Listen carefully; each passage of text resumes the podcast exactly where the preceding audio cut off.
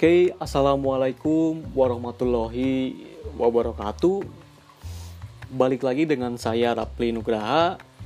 Di sini eh, pada segmen podcast kali ini, saya sebenarnya ingin membahas lanjutan dari episode sebelumnya.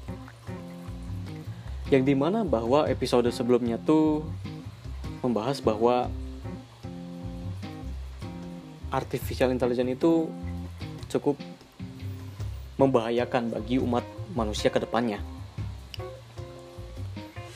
Oke, jadi eh, saya mengacu pada buku dari Yuval Noah Harari yang berjudul 21 adab untuk 21 untuk abad ke-21. Sorry guys. Nah, yang pertama argumen dari Yuval Noah Harari dia menyebutkan bahwa bahaya dari artificial intelligence ini buat umat manusia adalah jadi ada mobil nih contohnya nih ada mobil. Mobil itu berisikan rombongan orang-orang yang di mana rombongan orang tuh dia nggak tahu jalannya dan baru pertama kali nih ngelewatin jalan itu tuh. Terus mobil ini lurus lurus lurus sampai akhirnya bertemu dengan eh, belokan. Dan belokan itu ada dua. Belok kiri dan belok belok kanan dan dari situ mereka bingung karena belum pernah lewat situ sebelumnya kan dia bingung gitu. Mereka bingung bahwa mana nih guys e, jalannya. Mending ke kiri atau ke kanan nih? Karena mereka nggak tahu apa-apa. Mereka mengikuti kata hati mereka. Kemudian mereka sepakat bahwa ya udahlah ambil kiri aja. Uh, karena yakin lah intinya terus mereka belok kiri terus lurus sampai akhirnya dia menemukan kemacetan nih. Terus dari situ dari kemacetan itu nggak apa ya masalahnya nggak berhenti nih dari macet ini. Kemudian ada ada apa ya jadi ada uh, pengalihan jalan nih. Otomatis kan kalau dialihin tuh macetnya bakal lebih parah terus bakal lebih menyita waktu yang cukup lama lagi nih. Dan otomatis mereka berpikir bahwa waduh kayaknya kalau nanti-nanti udahlah nggak usah uh, dirundingin lagi kita ikutin Google aja Google Maps aja gitu. Dari situ mereka belajar bahwa ah kita gak usah ikutin kata hati kita lah gitulah. Dan karena karena mereka masih di dalam perjalanan nih terus masih baru banget nih apalagi dengan pengalihan jalan pasti mereka belum pernah lewat jalan itu sebelumnya dan untuk ke depannya mereka menggunakan Google Maps.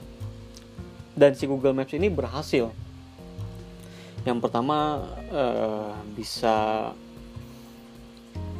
uh, mengarahkan mobil itu ke tujuan yang tepat.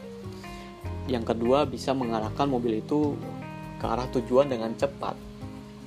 Dan yang ketiga lebih efisien. Dari pengalaman itu dia belajar. Ah mereka belajar bahwa Google Map Google Maps ini sangat penting sekali buat mereka otomatis buat ke depannya tidak menutup kemungkinan bahwa mereka akan selalu menggunakan Google Maps untuk setiap jalan yang belum mereka ketahui sebelumnya. Dan ini satu apa ya satu kesalahan nih yang uh, di dimiliki oleh artificial intelligence. Yakni di uh, contohnya adalah jadi ada nih teman saya nih. Teman saya ini uh, dia berangkat kuliah dari rumahnya. Terus karena jalan jalan yang biasa dia lalui itu macet nih macet parah banget. Dari situ dia uh, mikir bahwa ah udahlah mending lewat jalan pintas aja. Dan lewat jalan pintas itu dia bukan sembarang uh, apa cari-cari dengan dengan apa ya dengan mata dia sendiri gitu. Dia mengandalkan Google Maps. Oke okay, untuk ke jalan yang umum dia bisa lebih cepat gitu. Tapi si Google Maps ini dia menyarankan kepada jalan-jalan yang lebih pintas lagi lebih cepat lah intinya otomatis karena teman saya ini dia sedang buru-buru terus dia sedang apa ya fokus lah. Dia tidak mengandalkan sisi manusiawi dia dia fokus kepada Google Maps ini. Pada akhirnya dia menemukan jalan yang yang buntu nih. Terus udah buntu nih selanjutnya dia udah putar balik nih. Eh dia nemu solokan nih. Nggak habis-habis nih masalahnya dari Google Maps ini. Memang di satu sisi Google Maps ini emang emang cukup membantu buat uh, kita sebagai manusia. Tapi di sisi lain emang ada kelemahannya juga. Dan kita harus harus mengandalkan sisi uh, manusiawi kita kata hati kita dan itu satu permasalahan yang utama. Salah satu contoh nih. Maaf. Terus yang kedua. Karena kita uh, sebagai manusia kita pasti punya kekurangan lah. Dari karakter dari sifat. Misalkan dari dua itu kita akan mencari solusi. Nih aduh apa ya yang harus ditingkatin apa aja sih? Terus dari situ kita e, mengakses Google. Mesin pencari yang paling efektif digunakan. Terus kita sering apa ya sering sering browsing nih tentang kepribadian kita itu seperti apa, otomatis algoritma Google ini dia akan membaca bahwa oh buat orang ini polanya seperti ini. Dan orang yang disodorkan oleh uh, mesin pencari Google ini dia merasa bahwa oh ini tepat sekali dengan karakter saya, dengan kepribadian saya. Padahal padahal waktu searchingnya itu dia belum tentu uh, pada kondisi yang cukup stabil gitu misalkan uh, emosinya sedang kacau terus pikirannya sedang sedang kacau karena algoritma Google membaca uh, apa ya membaca si orang ini tuh maunya seperti apa tidak peduli gitu suasana hatinya sedang kacau atau enggak sebenarnya gitu. Ya dia bakal menyesuaikan aja gitu si algoritma Google ini dan otomatis ya inilah buat kamu gitu algoritmanya. Ya manusia yang diterimanya juga emang dia sedang kacau. Dia sedang tidak stabil lah. Otomatis ditelan mentah-mentah lah si informasi dari Google ini. Dan bukannya mengandalkan sisi dari sisi manusiawi kita gitu cari tahu merenung. Terus yang ketiga ini yang paling bahaya nih guys. Mau tahu apa nah ini jadi eh, si artificial intelligence ini dia dia berbeda gitu dalam uh, susunan struktur dalamnya gitu. Kan kalau manusiawi itu hmm, dia dia bisa aja gitu suasana, suasana hatinya itu sedang kacau sedang tidak baik terus suasana pikirannya itu bisa kacau bisa sedang ya segala macam lah.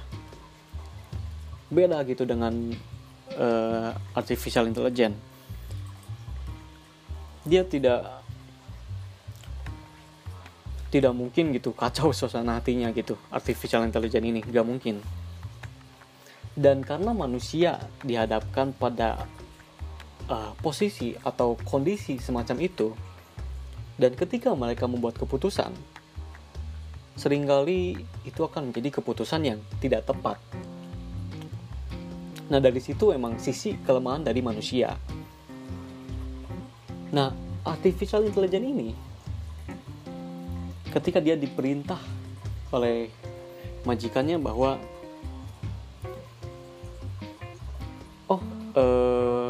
membuat keputusan itu seperti ini ya algoritmanya. Dan ya artificial intelligence ini tidak memperhatikan aspek dari suasana hatinya. Dia tidak sedang kacau dia tidak sedang uh, depresi dia tidak sedang terganggu. Otomatis kalau misalkan dipikir-pikir ya dia lebih waras lah gitu. Kalau misalkan membuat keputusan. Karena ya sesuai dengan pola aja. Dia nggak peduli mau ini apa ini apa yang penting yang tepat ya seperti ini udah gitu. Nah ini akan menjadi efek yang nantinya akan menggeser pada akan menggeser sisi e, manusia gitu sisi umat manusia. Karena manusia itu dalam membuat keputusan dia bisa aja sedang kacau sedang apa. Tapi artificial intelligence ini dia tidak mempedulikan hal itu. Dia tidak punya hal itu. Otomatis dia akan lebih lancar dalam membuat keputusan dan lebih rasional. Tapi ini juga tergantung nih. Tergantung si majikan yang merancang algoritmanya tuh.